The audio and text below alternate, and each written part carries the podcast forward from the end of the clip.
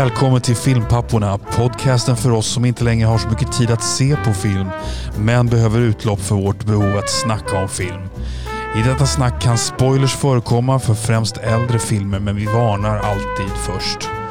Podden är möjliggjord av den fantastiska redovisningsbyrån Ekonomihjälpen som ni kan läsa mer om på ekonomihjälpen.se. Och nu till Filmpapporna.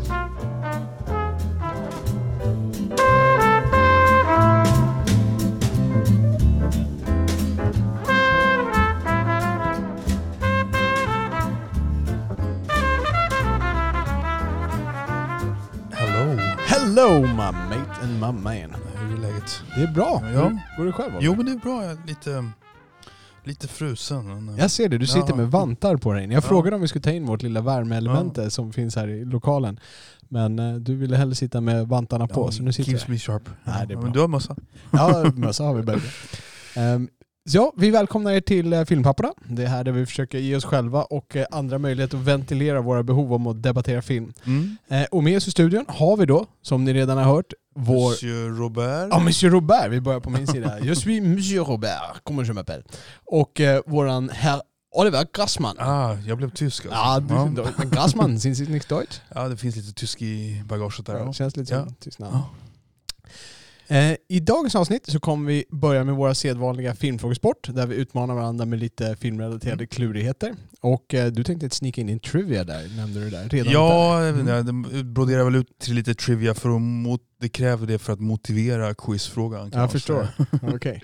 Eh, Sen har vi veckans lyssnarfråga som den här gången blir en talarfråga. Vi får se vad det innebär.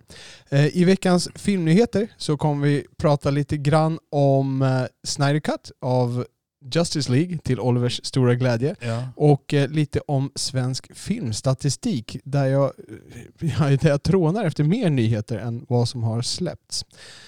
Sen har vi lite filmtrivialiteter. Jag kommer att prata lite Spike Lee och du har ju redan bränt din filmtrivialitet under filmfrågesporten. Och sen avslutar vi med några recensioner. Och där har vi båda sett filmen Ma Rainey's Black Bottom. Precis. Och jag har också sett filmen Lion. Rekommenderat av en, eh, av en Twitter-följare. En Twitter, inte en följare, en Twitter-person. Jag säga. Kommer in på det. Så det Ja. är vårt avsnitt idag. Mm. Ska vi kasta oss in? Oliver, Ja, dagens filmfrågesport. okej. Eh, vill du börja eller vill du bli tvåa? Jag kan vara två. Tvåa, alright. Då börjar jag. Jag har ett gäng filmer här. Och vi ska se om du grejar den gemensamma nämnaren. Ja. Jag tror att jag höjer temperaturen här nu på, på svårighetsgraden ska jag nog säga. Okej. Eh, ett snäpp här. Så får vi se. Jag tänker läsa det är filmerna. liksom ganska, uppgi, det är ganska uppenbart. Liksom. Det finns en, gem- röda- det finns en gemensam nämnare. Ja. Ehm, och jag hade nog... Jag hade själv inte grejat den här. Okej. eh, även om jag hade kopplat upp det här med en, en av filmerna. Ehm, A Few Good Men. Mm. Malice. Det vet jag inte ens vad det är för film. Okej, nej, det kommer vara en del filmer du inte känner igen. eh, säkert. The American President. Charlie Wilson's War. The Social Network. Moneyball. Steve Jobs. Molly's Game. Och den nu på Netflix aktuella The Trial of the Chicago 7. Nej, jag har inte minsta aning. Jag kan se att The Social Network är den filmen där den här röda tråden blir mest uppenbar.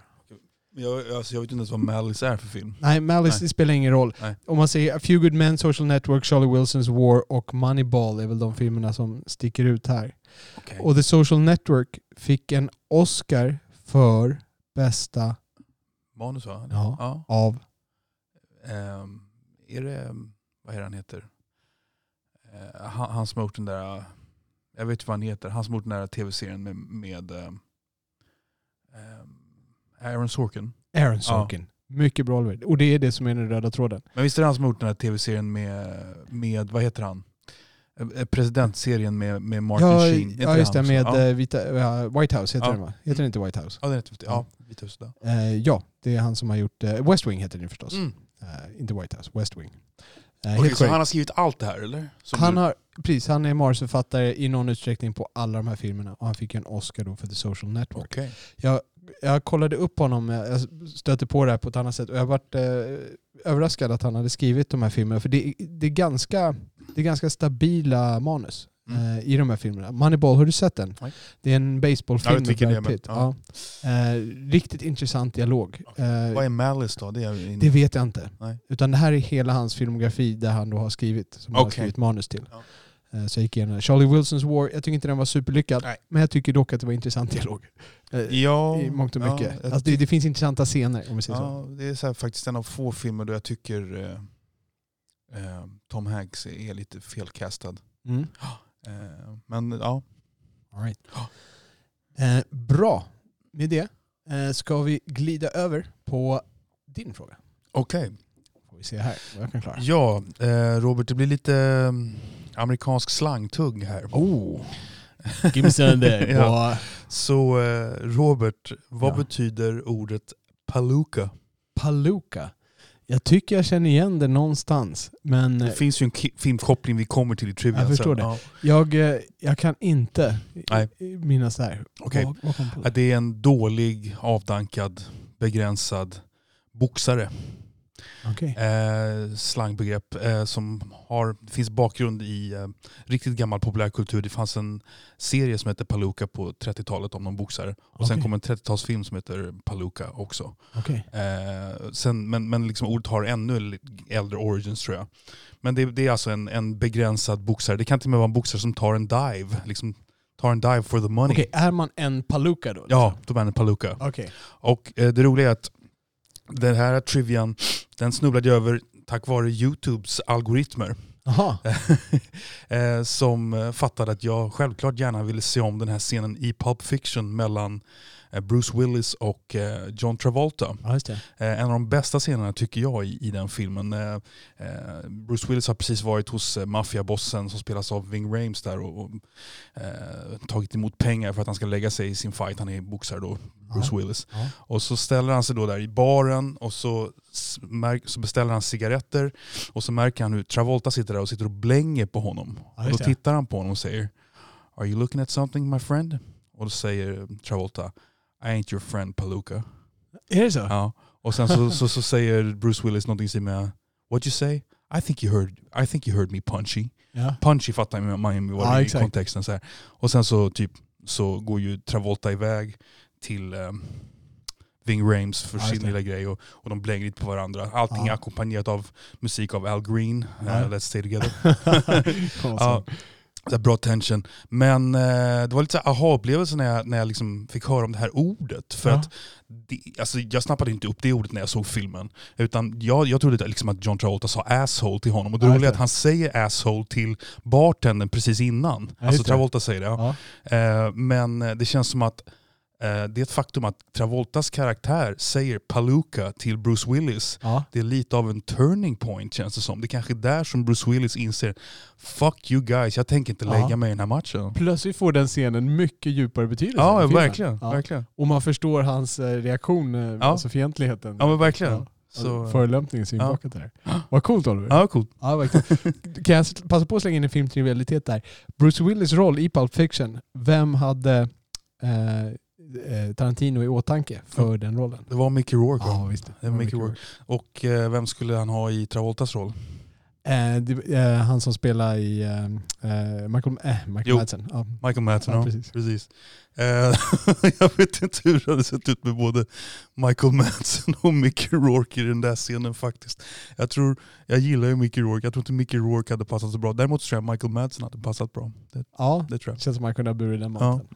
Men eh, Travolta ägde den rollen ganska bra. Så Absolut. blev de ju bröder istället. Då, alltså Michael Madsen karaktär från Eh, vad, heter, eh, han, det, han- vad heter han? Han är ju Vega också. Men vad heter han i... Vic Vega och Vic Vincent Vega. Vega Ja, heter de? Ja, Precis. precis. Så- Eh, ja. Så att eh, de blev bröder då. Michael Madsens karaktär från Reservoir Dogs och John Travoltas karaktär från Pulp Fiction. Och de dör på varsitt håll. Nej, exakt. Mm. Ja, Ja. så eh, dagens eh, filmfråga var det. Kul. Eh, och den här veckan har vi inte en lyssnarfråga, men du har eh, tagit med dig en fråga. ja, jag skulle vilja veta Robert, eh, vilken tycker du är den bästa one-linern? Det är en jättekul fråga. Eh, Och eh, då, då undrar jag kanske lite hur man definierar en one-liner. Jag tänker mig att man kan vara lite fri i sin tolkning. Man kan, isol man kan liksom isolera den lite grann. Ja. Eh, En, en, en, en, den ultimata one-linern är ju väl kanske en replik på vad någon annan säger och liksom då tar slut där. Ja, Men jag tycker man kan vara lite fri. Det enda, det enda krav jag egentligen ställer är att, att liksom one-linen är intakt. Det vill säga, de säger ju inte play it again Sam Ja. i Casablanca, så den går bort. Ja. Så att säga. Okej. Men i tycker jag du kan vara ganska fri i din tolkning. Du fattar ungefär vad Ja. jag lägger för. Den första som dyker upp i mitt huvud, kan du gissa vad det är?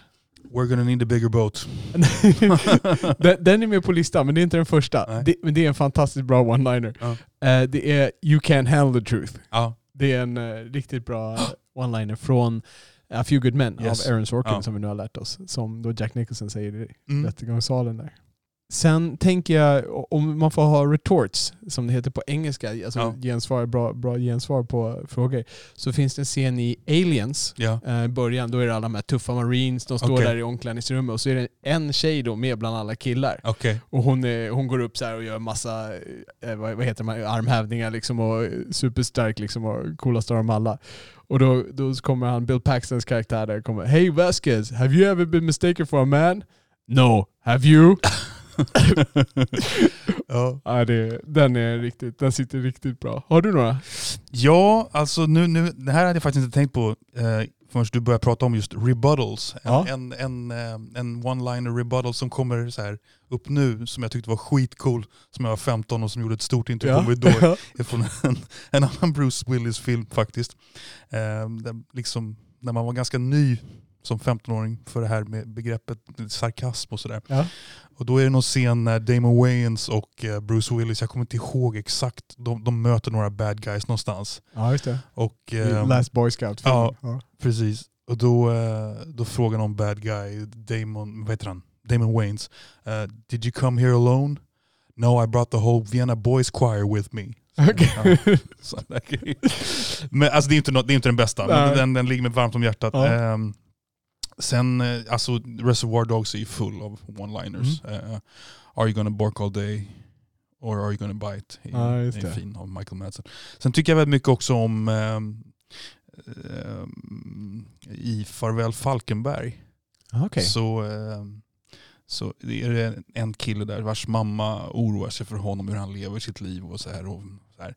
Han äter bacon till frukost och, och, då säger hon någonting i stil med ja, ska, du verkligen, ska du verkligen äta bacon? Blir du deprimerad av, av bacon? Jag bara, Nej. Nej, jag blir glad av bacon. Okej.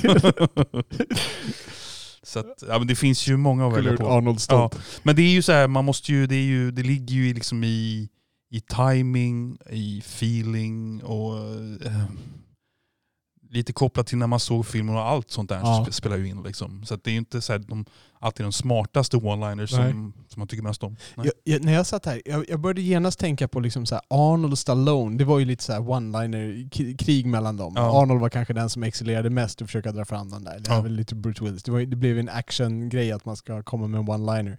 Arnold slänger en kniv genom en i Predator och så, så att han liksom fastnar i stolpen intill där. Så stick around. Ja. Eh, men det är inte så jättemånga bra one-liners. Det är inte så jättemånga bra one-liners. eh, Do it! Do Ja, it now! Ja, precis. Do it, do it now. Men det är, liksom, det är ingen liksom, one-liner. Ehm, jag tänker på, och egentligen, I'll be back.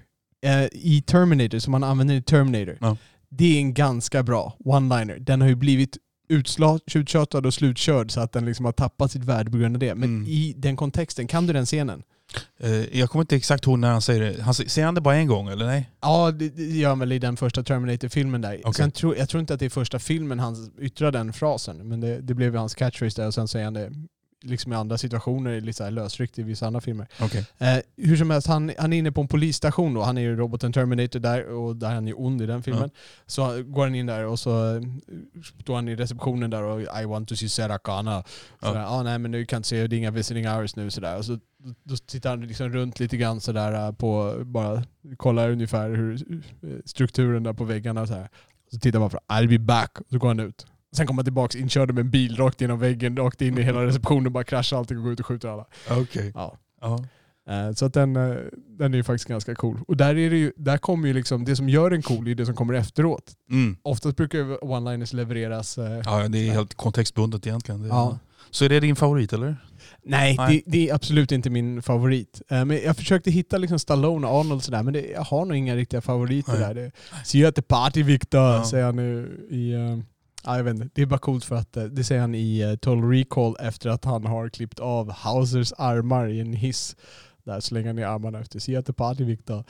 Men Eh, Al. Pac- Al Pacino har ju en förmåga att säga, han kan ju säga, göra, jag tänker inte dra någon, någon tramsig Tony Montana one-liner här utan men han, han har ju en förmåga att så här, blåsa liv i vilka repliker som helst med sin feeling. Ja. Alltså jag tänker på uh, Heat, Ja, Eh, då, då blir han, där, han, där han bara såhär. I, I had coffee with Macaulay half an hour ago, skrik, skrik han on Ja. top of my lungs så att det liksom ekar i hela Ja, polishuset. det. det. är ju det är skitbra one-liner. Jag, jag, jag Ja. trodde du skulle säga she's got a great Ja, jo, men ass! den, den, den också. Ja. Den också. Jag vet Ja. inte, ja. Ja. Jag tänkte på, um, det finns ju också de här som är lite så här fräcka svar. Det är i Jack Nicholson i Livet från den ljusa sidan. Ja. Eh, Så eh, det är någon, han är precis på väg in i en hiss och så kommer någon av hans fans, han är ju författare Mm. där då. Och så frågar hon hur, hur kan du skriva kvinnor så bra? Hur förstår de så bra? Well, I think of a man and I take away accountability and reason. Ja, Någonting i den stilen. ja, ja visst, visst. Eh, och man ser hennes min där när dörrarna stängs. Det, ja, den är riktigt bra. Ja, det är många fina one-liners av honom i den. Det, det finns, han har ju några riktigt dryga. Det är någon som Ja. jag gillar också där han, det är någon, det är någon kvinna som försöker prata liksom lite rim och reson i honom. Ja. Han säger någonting i stil med Where'd you learn that in a whorehouse in Panama? Ja, just det. Någonting av den stilen. Ja. Vi, vi parafraserar lite här. Ja. Ja. Jag, jag försökte tänka på Indiana Jones också, mina favoritfilmer. Ja. sådär lite, men det är inte så jättemånga fantastiska one-liners där. Det finns en del minnesvärda citat, men det är inte så många one-liners. Ehm, har du någon absolut favorit-one-liner? Nej, Jag kan inte riktigt välja någon enskild sådär. Nej. Eh, faktiskt, det är svårt. Jag tror, jag tror jag har en som Ja. är ganska simpel, men det är, leveransen av den är så klockren. Jag, vi har pratat om den tidigare på Mm. något, i någon kontext här på showen. Eh, och det är i Empire Strikes Back. Okej. Så Han Solo ska precis eh, sänkas ner och frysas ner i karbonit och ingen vet om han ska överleva sådär. Och Leia springer fram och kysser honom och sliter isär Mm. dem. Hon tittar på honom och säger I love you. Han, liksom, han ger henne blicken I know. Liksom, eh, och det, det, det, som, det som gör den scenen stark är att det där har ju varit liksom en konflikt mellan dem. Liksom. Hon, hon, vill inte, hon vill inte vara, älska honom, hon vill liksom hålla sig ifrån. Och där erkänner hon det. Han Nej, jag vet. All right. Så Harrison Ford takes the prize. Ja, Harrison Ford takes the prize. Okej. Eh, det gör han. Eh, Han är, eh, det är en få, fåordig man på film, skulle man kunna säga. Jag förknippar honom med, så här, nej men så här, jag förknippar honom med ganska tysta roller. Jag vet inte hur tystlåten han är just i Star Wars, men jag förknippar honom med så här, eh, återhållsamma män som inte pratar så jädra mycket. Liksom. Det kan nog stämma Ja. ganska bra. Det är sällan han har en lång Pacino-monolog. Nej, liksom. nej, precis. Ehm, nej. Mm. Ja, men superbra. Ja. Superintressant fråga. Och det var intressant också hur få i citat jag hittade från actionvärlden som jag tyckte faktiskt levde upp till det. Ja, Ehm, till det. so where to now? Nyhetsdags. Ja. Eh, och jag har eh, nyheter om The Justice League. Jag, jag förstår att nu, nu sitter du som på nålar för att höra här. Eh, och det är så här, för er som inte är riktigt med på det här. The Justice League är ju DCs motsvarighet till Marvels Avengers. Det är deras hjältar som samlas. Det är Stålmannen, det är Wonder Woman, det är Batman och så ska de slåss mot någonting. Den här filmen gjordes för några år sedan, släpptes på bio och blev katastrof. Mm. Ehm, det, eller katastrof, den gick riktigt dåligt. Eh, fick dålig mottagning och det var en riktigt dålig film. En riktigt dålig film.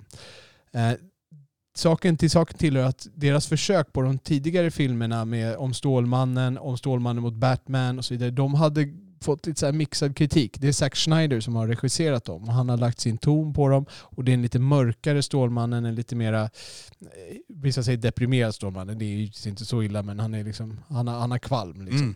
Eh, det är inte den här glatt, glättiga superhjälten som man var van vid från Christopher Reeves dagar. Så att det, det fanns redan en kritik. Batman vs Superman var ganska kritiserad och sen kommer då den här och den här är riktigt dålig. Men till saken är att här hoppade Zack Snyder av i mitten. Och han hoppade av av familjeskär. De hade någon tragedi på riktigt. Däremot sägs det att de kanske ville peta honom för att de då hade börjat se hur dålig Batman vs Superman eh, mottogs Mhm. av publiken. Eh, och då kom Joss Whedon in istället. Det kan namnet kanske inte säger dig någonting, men det är han som har legat bakom mycket av Marvels. Han Okej. har också gjort Buffy och de här Vampire Slayer. Och han har hamnat i blåsväder nu, kan man ha som en liten nyhetsinstickare för att han eh, har blivit anklagad bland annat för eh, under Justice League då för att eh, vara ganska otrevlig på inspelningarna och Mhm. behandla eh, skådespelarna ganska illa. Eh, men det, det är lite en sidostory. Så att det var då, när den här blev så dålig, för att han gick in och gjorde massa rewrites och gjorde med, den skulle bli mer komisk och det, filmen känns bara jättemixad. Liksom Zack Snyder, även om du inte gillar hans filmer så visionärt så är de, är de ganska Mm. eh, tajta. Eh, och, det är, och det här blev bara en mishmash. Så det blev eh, så att eh, nu har internet skrikit efter att få en Snyder Cut och för, eh, för ett år sedan så, här så annonserade de att nu ska de göra det. Då ska Zack Snyder få gå in och avsluta den här filmen, Mm. ta de här scenerna. Så han kommer slänga ut alla Joss Whedons eh, scener och bara använda sitt eget material. Och han har fått ganska fria händer. De har spelat in någon ny scen också, någon reshoot där då som Mm. han eh, har gjort. Det sägs att det bara är en scen då som de har lagt till och kanske någon annan vinkel här var. Mm. Men han plockar, men han har liksom, hur, hur många år sedan var det här? Eh, jag tror det var 2018. Okej, men då, då hade han, då, så han började spela in med, med Gal Gadot och Ben Affleck Ja, och vilka ja. nu är. Och filmen som kom ut det var en mishmash av hans, hans grejer och Jaws. Ja, så Josh Whedon gick in Ja. och spelade in massa nya Okej, scener. ja, precis. Och nu, men, nu har han, men nu har han spelat in nya grejer och klippt ihop det med sitt gamla. Ja. Han har, han mest klippt ihop det gamla, han har spelat in en jäkla massa material. Den här filmen kommer alltså bli fyra timmar lång. Fyra timmar lång. Mm. Och på bio, de kommer släppa en bioversion och då kommer de ha sån här intermission som det heter på engelska, alltså en paus i Mm. mitten. Som det var på de gamla filmerna när man gick och såg på 30-talet och såg eh, Borta med vinden fyra timmar Mm. lång. Liksom. Ja, jag har varit med om det i, i modern, alltså i Ja. vår tid också. Men Det har jag med. Jag var- såg, eh, vad heter den, eh, Sound of Music. Ja. Jag såg på en sån här sing-along eh, på en bio på Söder. Mm. Och eh, jättemysigt. Och jag tror tanken med de här intermission var mycket för att man skulle gå ut och köpa nya popcorn och Säkert. sådana saker. Ja. Så får jag nog lite ekonomiska tankar, inte bara för att eh, bespara eller ge bensträckare. Så att den ska alltså bli fyra timmar lång. Ehm, men det kommer vara en film. Det var lite prat om att det skulle bli fyra en timmars avsnitt. Det skulle bli lite tv-seriestuk då. Men den ska bli en fyra timmar lång film. Och vilka, remind me nu igen, det är alltså Stålmannen, Batman, Wonder Woman, vilka är det mer? Eh, Blixten. Ja. Vad heter han på engelska? Flash? Flash. Flash ja. Mm. ja. Eh, Cyborg. Okej. Ehm, och eh, det är väl alla, jo Aquaman också. Okej. Och Aquaman och Wonder Woman har ju haft egna filmer som har varit ganska framgångsrika. Ja. Till skillnad från DCs andra. Om man ser de här spelar in jättemycket pengar. Så när vi pratar framgångsrika då, då menar vi, eh, de andra har inte gått med förlust. Liksom. Men de har inte varit så framgångsrika i sin genre. Nej, nej. När Marvel spelar in en till två eh, miljarder dollar. Liksom. så har här bara spelat in en halv eller Mm. 300. Ehm, Ja, men eh, tror du det här är bra? Eh, jag, ja, mitt intresse i det här är ju att se, dels att få se hans vision och sen att följa hela den här historien, hur de har tagit det här och faktiskt få se regissören gå tillbaks. För det här är ju lite mer än en director's cut. Ja, det, Det- här är det- något... Ja, det här, är liksom, det här blir lite speciellt. Och det ska bli bara så intressant att se en annan regissörs vision. Ja. Och få följa den här historien. Att här var den här filmen, där kom den här Joss Whedon in och, och gjorde så här. Och sen hur, här fick Men han göra sin Då måste jag skapelse. avbryta, Mm. för jag, jag tänker mig att de har väl ändå på något sätt från hållit sig till något slags manus. Jag antar att det finns scener som den här Josh har spelat in som, som Zack fick spela om in på nytt då, då för att det skulle bli som han ville, eller? Nej, det, Zack hade tydligen spelat in så pass mycket grejer så att som jag förstår det så var filmen, alltså, den var i stort sett inspelad men det material han hade blev för mörkt. De ville ha ljusare Okej, material, alltså det ska vara mer glättigt som Ah, Marvel. All right. Eh, och därför tog de in Joss Whedon för, och då la han på massa komik och klippte Okej. ner och klippte Okej. sönder den tyckte Zack Snyder då. Ja. Och han... Eh, och den var, hur lång var den originalfilmen då? Eller den var väl typ två timmar? Ja precis, två, strax över två timmar tror jag den Okej. var. Så, Ja. att, eh, här kommer vara, så den kommer vara lite mörkare, den kommer vara R-rated, Mm. alltså 15-årsgräns motsvarande i Sverige. Och den här kommer att släppas i mars på HBO, 18 mars om jag kommer ihåg rätt. Det var nämligen så att vi, jag tweetade om det här, jag har ju följt den här lite grann på Twitter, i Filmpapporna har, via deras konto, så Filmpapporna tweetade ut och undrade lite grann när det här skulle släppas. Då svarade HBO Nordic själva, Okej. oss Filmpapporna här. och eh, meddelade att den, är, den kommer att släppas, det annonserades i januari då, så gick jag in och hittade det datumet där. Så 18 mars släpps den här och jag kommer nog att skaffa HBO Nordic för att se den här. Okej. Ja. Se om några andra filmer kan passa på att klämma in där också. Alltså det var det om uh, Schneider Cut. Mm. Eh, jag följer det här med stor spänning. Ja, och det, spänningen är inte för att jag gillar superhjältar utan det är bara för att se den här filmhistorien. Alltså liksom hela historien bakom och se vad det här blir och få jämföra skillnaderna liksom, mellan de här filmerna och Mm. hans visioner. Jag är ju intresserad av Zack Snyder. Jag tänkte precis fråga, har du sett alla hans filmer? Eller? Jag, nej, det är, någon, det är någon film om ugglor som jag inte har sett. Jag Mm. tror att jag har sett alla andra. Ja, Mm. Dawn of the Dead. Ja, så det var det. Sen var det en annan eh, nyhet, så jag kan inte kalla det en icke-nyhet, men en som jag blev nyfiken på. Ehm, flera tidningar rapporterade, bland annat DN då, jag kommer länka till den i avsnittsanteckningarna, att Sverige får officiell filmstatistik. Mm. Så Sverige ska börja föra statistik på film på bio Mm. till en början. Och sen är det tänkt att det även ska börja sträcka sig till film på andra sätt och då antar jag streaming då antar jag. Det är väl det som är för det är inte så många som går och hyr film längre, det går inte att göra det. Eh, och det jag blir nyfiken på är vad för typ av statistik de ska eh, skaffa, eller införskaffa och vad är syftet? Vad Ja, så jag bara undrar också så här, förs det ingen statistik, har det inte förts någon statistik alls innan? Exakt. Jag menar Filmstaden måste ju föra statistik över sina besök. Det är ju en affärs, Ja, Liksom, Ja. affärsnödvändighet. Men däremot, ehm, ja, jag, jag vet inte vad det här ska till. Och jag har försökt forska på det. Jag har försökt läsa runt lite grann. Men det är ingen som har något bra svar på det här. Eh, det kommer vara en myndighet som heter Myndigheten för kulturanalys som blir ansvarig. Eh, och det här utvecklingsarbetet började redan förra året. Eh, ja, så att jag är, den, här nyfiken skapade, den här nyheten skapade Mm. nyfikenhet hos mig. Men jag hittar inte svaren på den här. Är det någon som vet någonting mer om det här? Alltså då menar jag syftet och exakt vad är det de ska samla in. Är det bara så enkelt som hur många går på bio? Eller- Eller är det något djupare, liksom vilken typ av filmer det är? Och, och är det någon sorts ekonomisk eh, siffra man tar in? Eller vad, är, vad är det de ska föra statistik på? Är det någon som vet någonting mer om det här? Skicka oss gärna ett meddelande på Twitter eller lämna en kommentar på det här avsnittet. För jag är nyfiken på att få reda på mig. Och länka gärna till om ni hittar, hittar några källor där. Jag kunde inte hitta några själv som gav mer detaljer om det här. Alltså det var de nyheter Mm. jag hade med mig där för dagen. Ska vi gå över till eh, våra trivialiteter den här veckan? Ja, jag har ju bränt min men eh, vi har lyssnat på dina. Ja. Ja. Eh, din trivialitet där om eh, Pulp Fiction och vad, vad var ordet? Paluka? Paluka. Paluka. Ja. Kommer jag aldrig mer glömma. Jag gick in på um, en YouTube-video där Spike Lee, som visar, visar sig att han är professor på NYU, alltså Okej. universitet i New Yorks Ja. universitet, i, i film då. Det var väl där han studerade själv? när det begav sig. Tror jag. okej. Ja, jag tror det. Det är mycket möjligt. Mm. Det hade jag ingen aning om Nej. att han var. Han är ju New Yorker och... Ja, New Yorker vet jag att han är, men att han var professor. Jaha, nej Alltså, att han blir professor, nej. nej. Att han var lärare. Nej. Visste du om det?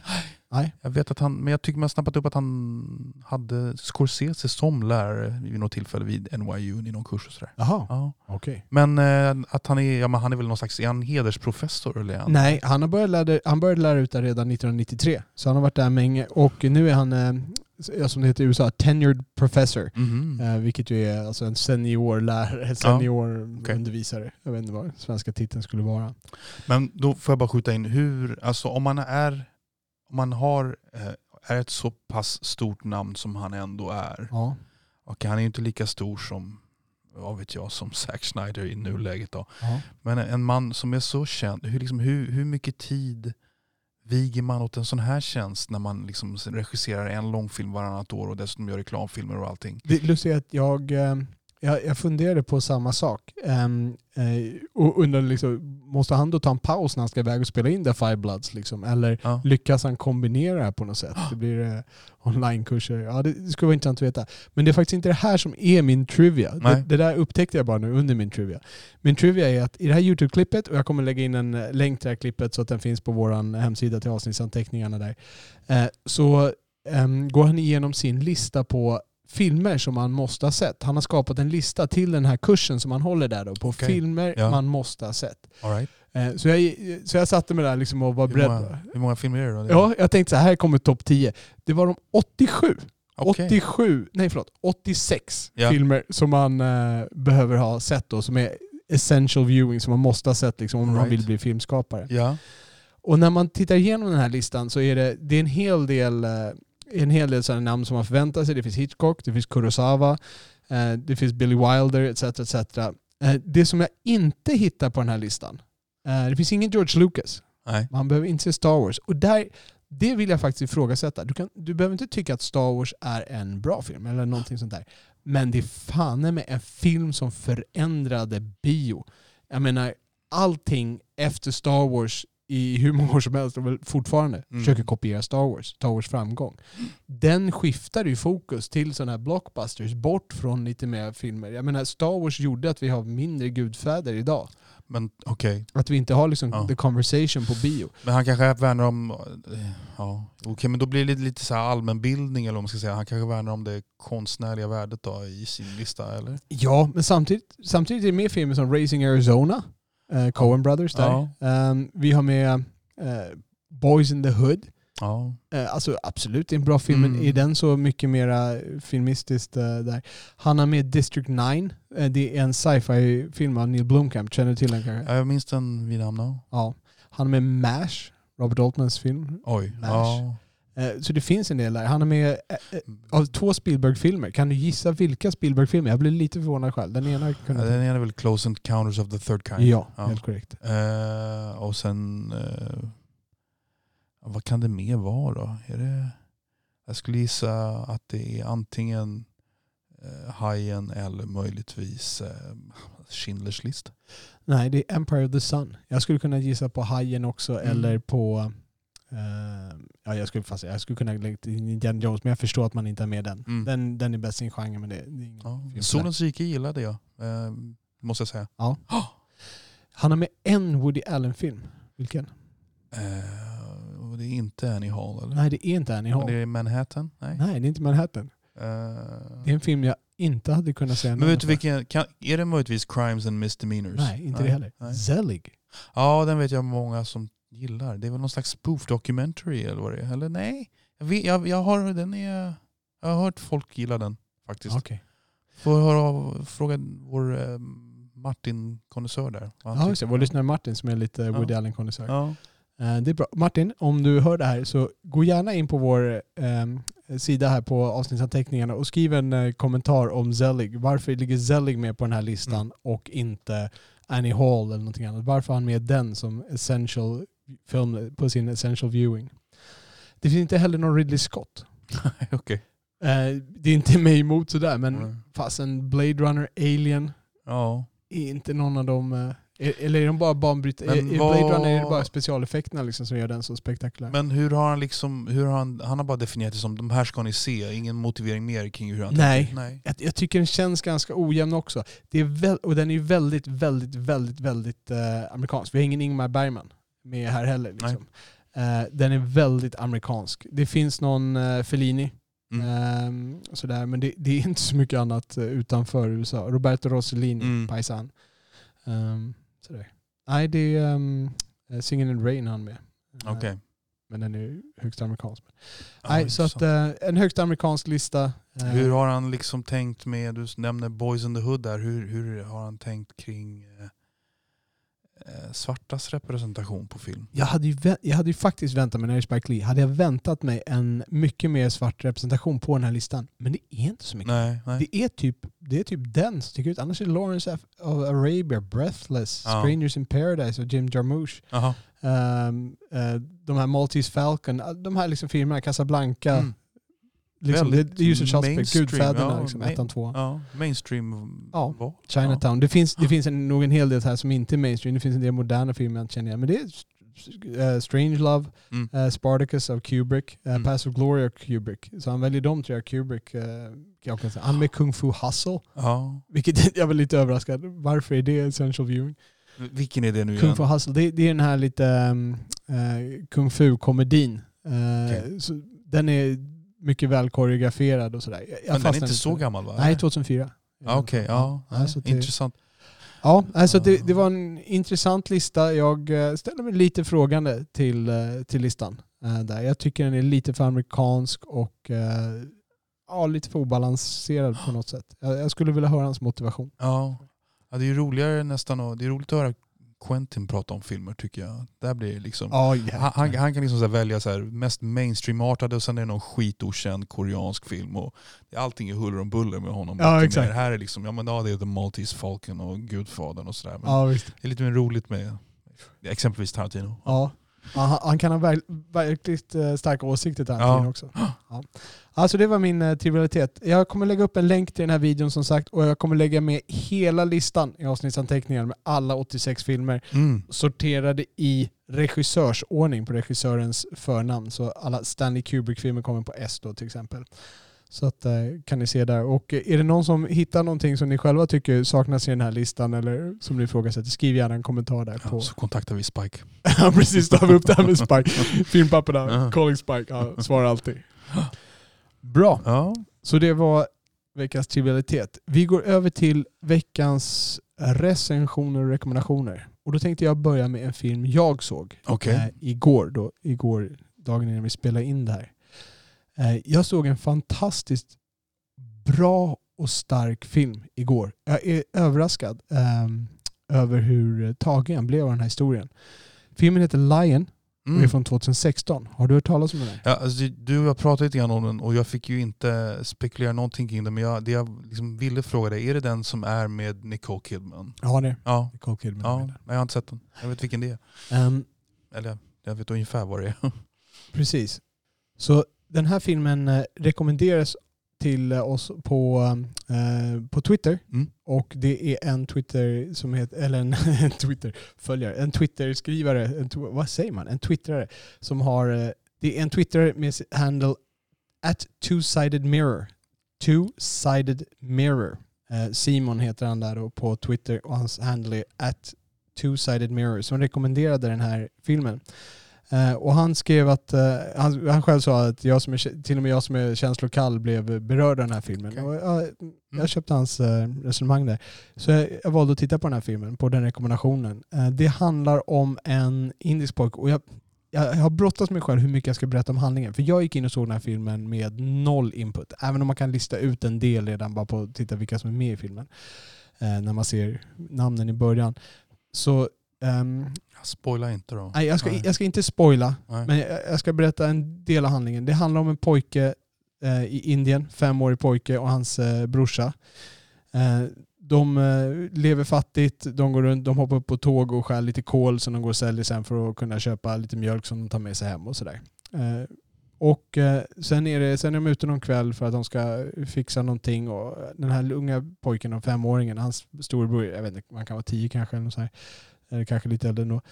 Um, den unga pojken är trött och han lägger sig på en bänk då på att sova. De är på tågstation och storebrorsan ska bara springa iväg och fixa en grej. Han kommer inte tillbaka och hämtar. Men sen vaknar pojken upp mycket senare. Hans storebror är inte där utan han är helt ensam och det är mitt i natten. Liksom.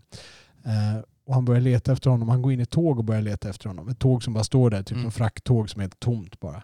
Och då börjar tåget åka. Åker iväg med honom. Och bara åker och åker och åker och åker och åker och så kommer han till slut till Calcutta.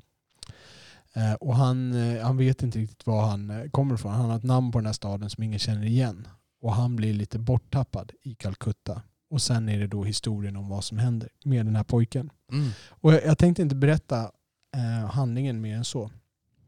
Ehm, och det som, ehm, det som är med den här filmen är att den är, den är väldigt vacker. Den är väldigt, ska jag kalla det tight? Alltså du sitter med i den här filmen, du åker med i den här resan. Den, egentligen, alltså om man tittar på det så rör den sig inte så snabbt. Eh, det, det, det är ganska utdraget ganska mycket. Men alla scener har en emotionell innebörd. Den tar med dig på den här emotionella resan. Du har en känsla med dig hela tiden.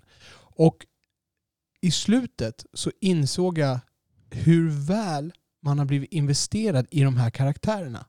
För att, här, att få det här slutet på den här filmen, som jag absolut inte tänker på, och få det betydelsefullt så, så, så betydelsefullt som det var för mig. Jag, jag var Mm. uppriktigt rörd. Mm. Jag, var, jag var rörd av den här filmen. Den var, jag var ordentligt rörd.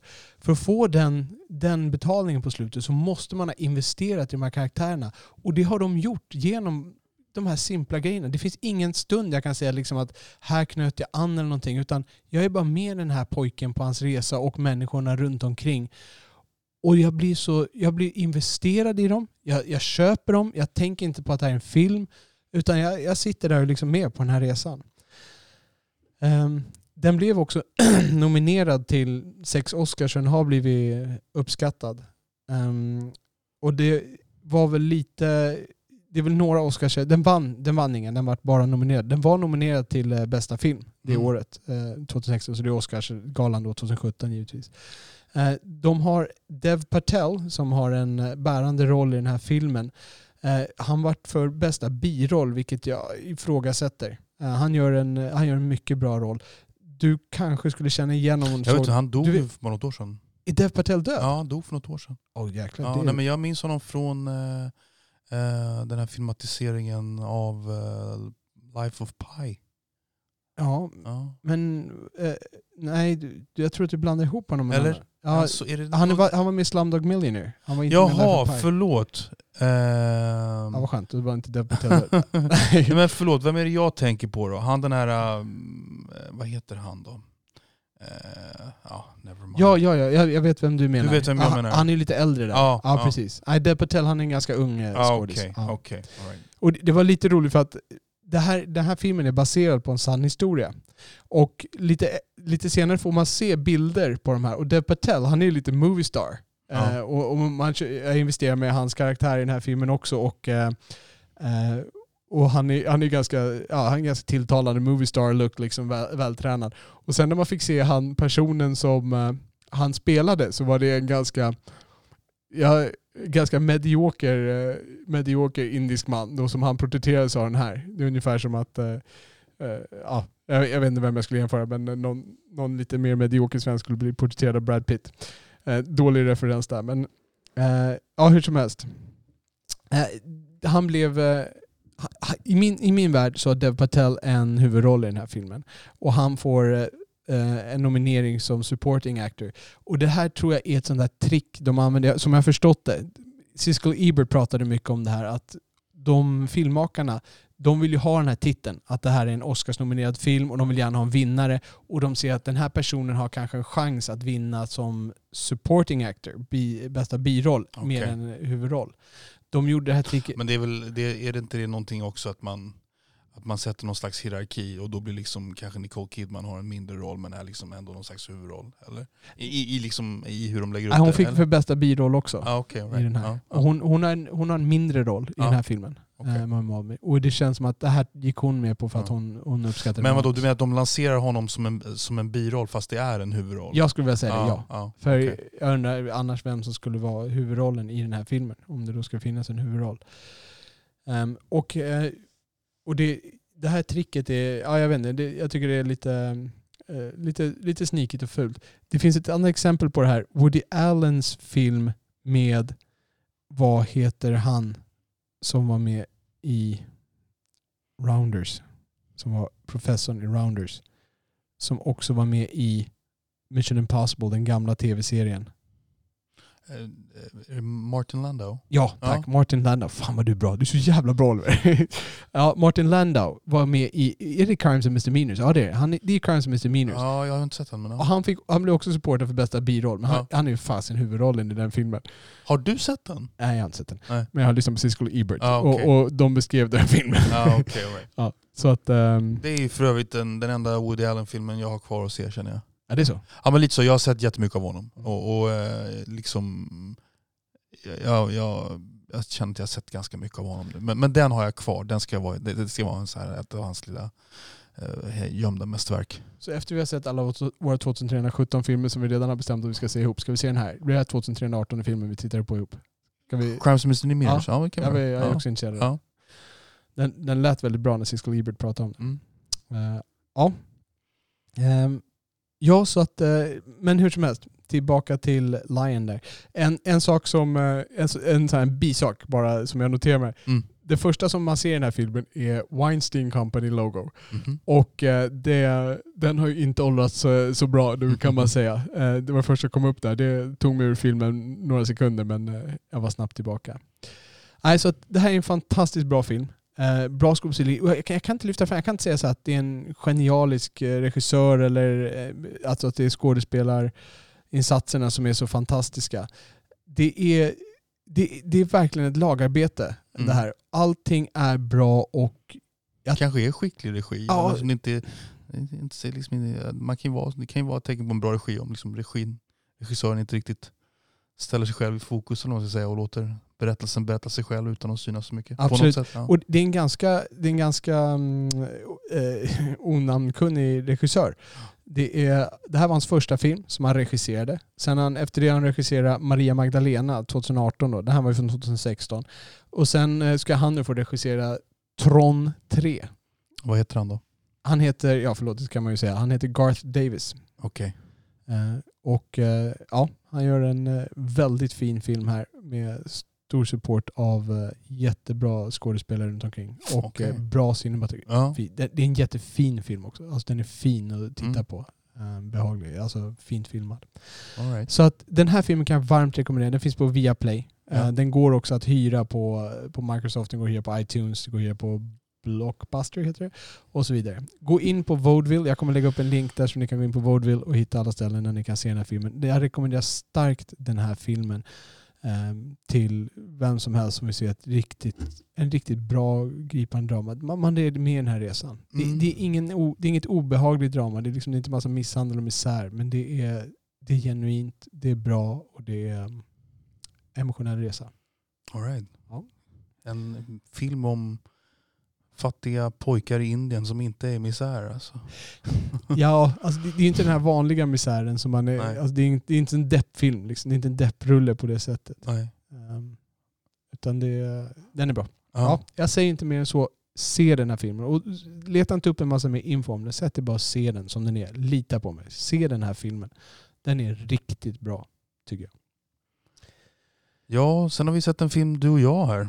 Ja, vad har vi sett? Eh, jag har glömt bort vad den heter redan. Marainis Black Bottom. Marainis Black Bottom. Vi har sett en eh, film tillsammans. Det var ja. ganska länge sedan. Ja, det var länge sedan. Gjort det här på Ekonomihjälpen faktiskt. Ja, precis. Tog jag här på Mm. kontoret. Så att, eh, den ligger väl, verkligen färskt i minnet.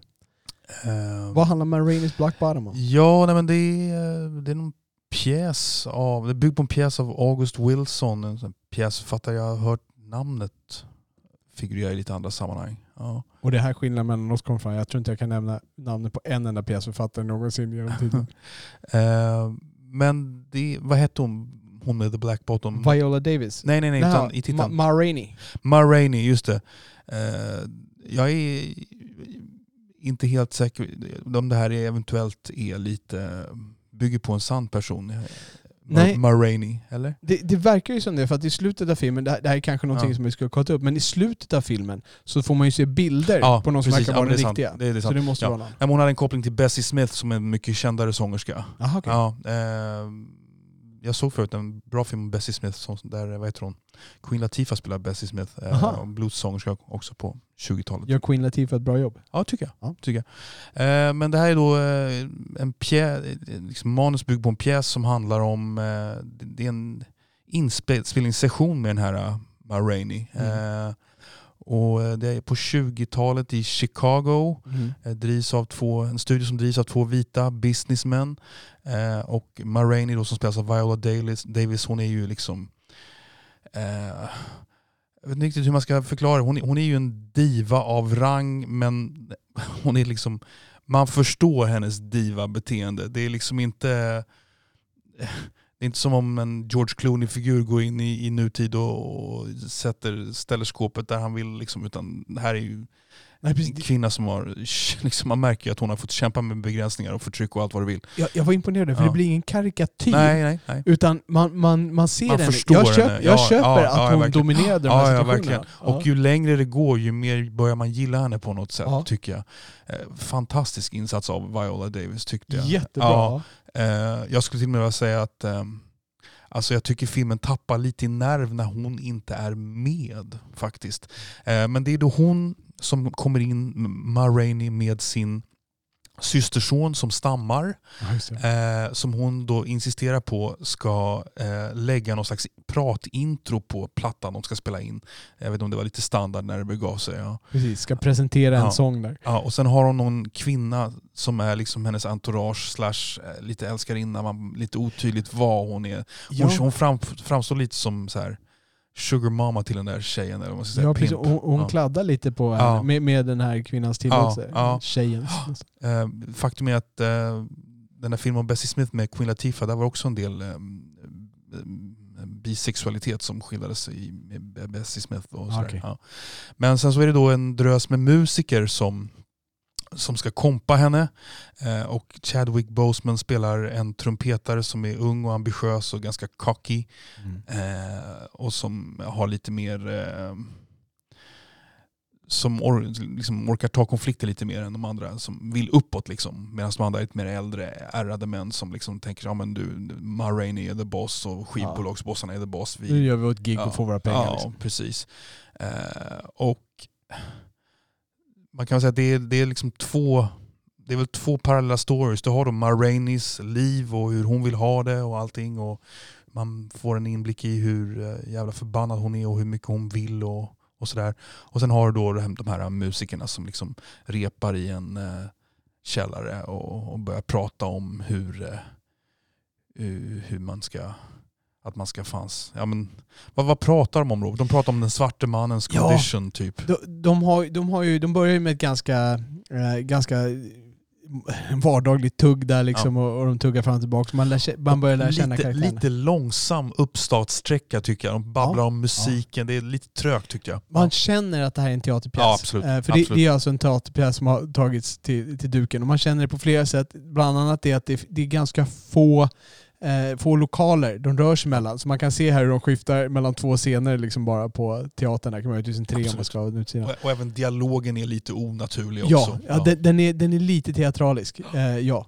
eh, det är den. Och, det är den här typiska teaterbyggnaden för att du, du måste liksom gå sakta för du ska kunna du ska klämma in ganska mycket på kort tid. Det ska Absolut. hända liksom känslor och... Men de kommer att prata om eh, hur man förhåller sig till vita kortfattat, de här männen. kan Ja. man väl säga. Och Chadwick Boseman har ju en skittraumatisk bakgrund i hur den vita mannen har behandlat hans mamma och pappa. sig. Ja. Och eh, det handlar mycket om hur, hur rädd, how spooked are you by the white man? Är Ja, mycket de om. Hur, hur, hur, hur tuff är du? Hur mycket vågar du stå upp mot den vita mannen? Ja.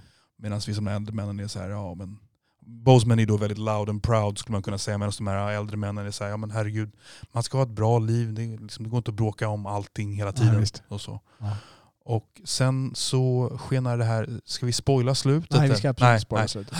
Ehm, Det, vi, Ja. vi, vi kan ju stanna där i handlingen. Så Ja. att det, det, handlar ju om hela den här inspelningen. En sak jag kan säga utan att spoila var jag var fascinerad över hur jag under den här resan, och det här är ju ett typiskt teatergrepp, hur jag under resan ändrar mina inställningar till olika karaktärer. Viola Davis Viola. Davis ja. och Chadwick Bosemans eh, karaktär, Livy också. Ja. Eh, Tyckte du mer om, tyck, där var det tvärtom, att du tappade, tappade lite tycket för dem. Det, är- Ja, ja. Jag, jag ska nog säga att utan att spoila, jag ändrade inställning Ja. under, under resans gång. Den, den, det var, den vacklade lite hit och Mm. dit tror jag. Eh, Ma Rainey's var en mer linjär resa. Ja. Från, eh, där. För, för um, Ma Rainey då spelar Viola Davis, där desto mer jag lärde känna henne, alltså då, då såg jag djupet i karaktären. mm. Från början tyckte jag, nej, vad fasen är det här för någonting? Hon spelar liksom någon dålig karikatyr av någon sån här diva. Mm. Men sen när det kom på djupet och man såg liksom hela bakgrunden, då, Mm. då, då, då sålde det allting annat. Allt det andra beteendet innan också. Liksom. Mm. Det fanns ett djup där. Eh, och ja, alltså att mina, mina tycken skiftade under den här filmen. Det här var faktiskt eh, den första filmen jag ser med Viola Davis. Eh, det, hon har väl eh, högst erkänd skådespelerska. Ja. Vad har hon med på sin resumé? Vet vi där? Jag tror hon har gjort en långfilm med Denzel Washington och Ja. till och med fått någon Oscar för Ja, det. det var ju Fences. ja. eh, och inte, inte det också den här August Wilson, att den bygger på det? Ja, precis. Det är samma. Och ja. jag tror Denzel har någon, eh, det här, det här kan bli korrigerad på gärna i kommentarerna, men jag tror Denzel har någon sån här eh, tanke om att han ska slänga upp alla hans pjäser. Eller han har så här tio Mm. pjäser som han ska göra. Fences var ju en då. Har du sett Fences? Nej, nej. Eh, men Viola Davis var ju också med, om man går till lite mera eh, populärkulturella grejer, som var med Suicide Squad. Just där det. hon spelar någon eh, sorts boss som sätter ihop den här Suicide Squad, Mm. vilket då är DCs eh, samling av skurkar. Mot, motsatsen till Okej. Justice League, där Jokern och eh, Charlie Quinn och massa andra då är med Ja. eh, i ett gäng och så ska de då rädda, fastän de är skurkar, rädda stad. dagar. Jag ju, tror ju faktiskt att det här är den första filmen jag ser med Chadwick Boseman också. Är det den första Ja. filmen? Det kan inte stämma. Oliver. Alltså jag vet inte vad jag skulle ha sett med dem, för jag har ju inte sett några av de här... Du har inte sett Marvel? Nej, du, 42 har du inte sett. Nej. Ehm, Jag, jag, tittade, jag tittade lite i några scener eh, ur en film med, där han gestaltade James Brown. ja, just det. Eh, men det var liksom bara scener. Ja. Det här är den första, jag tror att det här är den första hela filmen. Du har inte sett The Five Bloods givetvis. Nej. Ehm, vad är det mer han har gjort som är känt då? Nej, sen är det bara en massa Black Panthers där. Mm. 21 Bridges har han gjort en film också. Det var ju då Ja. han gav eh, en del av sitt gage där till kvinnliga skådespelare så det skulle bli jämlikt. Just det. Att han har fått mer betalt. Ehm, jag tycker han gör en bra, han gör en bra, han gör en bra insats. Det, jag tycker inte att det är mästerligt av honom, men det är bra. Ja, jag, jag håller precis med. Jag tänk, det känns som att man hade kunnat, man hade kunnat stoppa in en, en ännu bättre skådespelare i den här rollen som hade kunnat förmedla den här eh, smärtan han bär på ännu bättre. Det är mycket, det är mycket Oscarsbuss, buss säger jag Ja. på svenska, Oscar-buzz, eh, Oscarsnack kring Chadwick Boseman. Eh, även kring Viola Davis och lite grann kring filmen som helhet också. Och där, där tycker jag Viola Davis förtjänar mycket mer. Ja, ja verkligen. Ja. De, har, de har blivit nominerade i Golden Globes. Den kommer ju nu att avgöras. Vi spelar in det här innan den 28 februari så den kommer ju då Ja. gå av stapeln 28 februari. Men Viola Davis är nominerad för eh, bästa kvinnliga huvudroll och eh, Chadwick Boseman för eh, bästa manliga. Och men, det vilken, ja, men vilken jävla, alltså hon har ju en jävla pondus alltså, det måste jag säga. Ja. Vilken jävla pondus. Ja, Hon bara verkligen. mäst, mästrar de här studiomännen. Och, Ja, och, och Jesus. man, jag köper. Ja. Jag, jag, Ja, jag, jag, blir, jag sitter och blir lite, eh, blir lite intimidated, vad säger man på ja, svenska? ja, nej, men hon har Ja. intimidation Ja, factor liksom. Ja. Verkligen. Nej, det är bra. Eh, känns det som att Chadwick Boseman får den här för att Chadwick Boseman gick bort? Ungefär som att Heath Ledger fick Oscar för... Om han får en Oscar, eller nomineringen. Ja. Ja. jag, tycker inte, jag tycker inte att det är någon fantastisk insats. Det Jag tycker inte det heller. Jag gillar honom. Ja. Jag, jag tycker han är jättebra i många filmer. Men jag, jag tycker inte det här är en fantastisk insats. Vad tycker vi om de här andra rollerna då? De är ju lite mer jämntjocka. Det, det handlar ju om, framförallt om, om Chadwick och Viola liksom i, i karaktärsutveckling. Exakt. Eh, samtidigt som jag, jag tycker väldigt mycket om de här andra musikerna. De har Ja. något väldigt eh, eh, vänligt och nästan lite harmoniskt över sig som man gillar. Precis. Kemin, kemin finns ju, inte nödvändigtvis de emellan, men kemin skapas ju av hur eh, Viola Davis karaktär och Chadwick Bosemans karaktär Ja. interagerar med de här andra personerna. Precis. Så de är ju där, men de gör ett jättebra jobb på den där. Och de skapar en ganska mysig film där. Till början, Mm. Jag tycker det är lite mysigt att sitta och lyssna på den när de har sitt tugg där i början och står och ska repa. Ah, vad fan, så där kan du inte spela. Liksom. Ah, vi ska köra den här versionen och sådär. Och de tuggar lite om dittan och dattan. Och sen, sen glider man in lite på teatraliska. Vi ska lyfta fram en dramatisk scen, en dramatisk bakgrund, lära känna karaktären, lära känna motiven lite grann. Man kommer in på lite mer så här teatraliska, alltså teateruppbyggnaden. Mm. Så man får en pjäskänsla av. Liksom. Men eh, jag tycker de gör ju riktigt bra jobb. Och, och det kanske är några vi ska nämna. Det är sådana här personer man känner igen. Ja, jag kände igen han som är med i The Wire. Som Ja, spelar. Royce, eh, borgmästare i The Wire. Ja, Glyn, Glyn, Tur, eh, Glyn Turman heter han. Ja. Sen är han som, han, ehm, han som är, vad är han då? Är han gitarrist eller pianist? Eh, nej, han, han, han som är lite ledare för g- Ja, snubbarna. Han- han kände jag igen. Vad heter han? Han heter Coleman Domingo. Okej. Eh, och han spelar då Cutler Ja, i, i den här, alltså, precis som du säger. Eh, han har varit med i filmer som Selma. Var det, han som var huv- det var han som var huvudpersonen i den. Är det han som spelar Martin Luther King i Selma? Ehm, visst är det... S- Nej det är inte. Det är David Olueo. Så han, men han har en roll i, i Selma också. Okej. Ehm, ja, Mm. Nej, men, eh, bra film. Eh, lite, alltså, klart märkbart att det är en pjäs. Lite, lite, lite onaturligt i början och lite, lite långsam transportsträcka i början. Men sen kommer man in i det. Och, och som Ja. sagt, men det är ju, det är ju, the, det är ju the Viola Davis show. Tycker Ja. jag. Absolut. Den, sk- skulle du rekommendera den här filmen? Och vem skulle du rekommendera den för då? Om man, ska, om man nu sitter här och pratar med alla filmpappor som sitter och lyssnar på det här.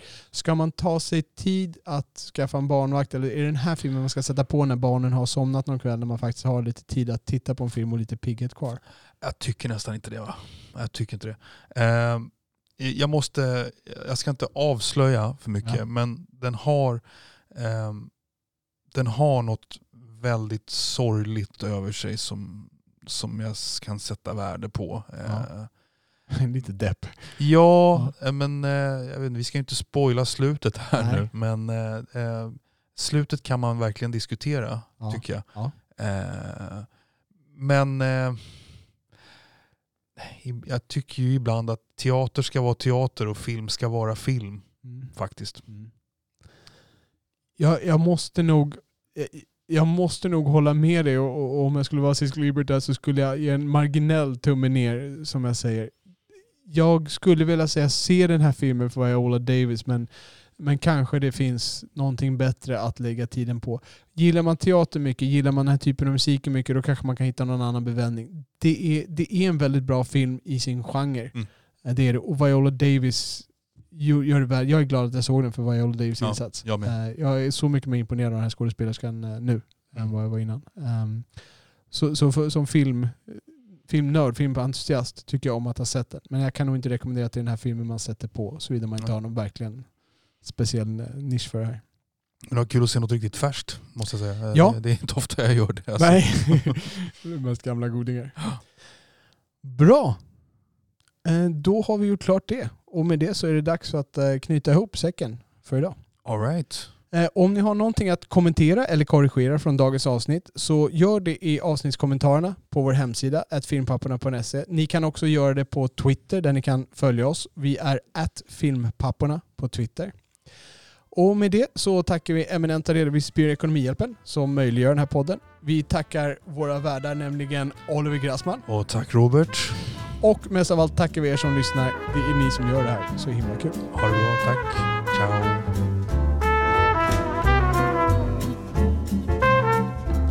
Ni har lyssnat på Filmpapporna som släpps var eller varannan vecka. Man kan ladda ner vår podd i alla vanliga poddappar. Ni hittar också våra avsnitt med fulla avsnittsanteckningar, länkar och klipp som vi talat om på vår hemsida filmpapporna.se. Det är där ni lämnar kommentarer till varje avsnitt med era åsikter, beröm, förbättringstips, korrigeringar eller egna anekdoter. Ni kan också följa oss på Twitter, filmpapporna. Och med det så tackar vi redovisningsbyrån Ekonomihjälpen som möjliggjort denna podd och önskar er alla mörka salonger och så salta popcorn. Grrr.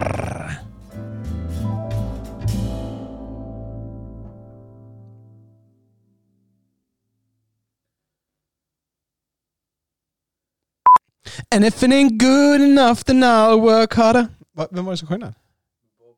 Det var Bobby Brown, ja, jag tänkte på det.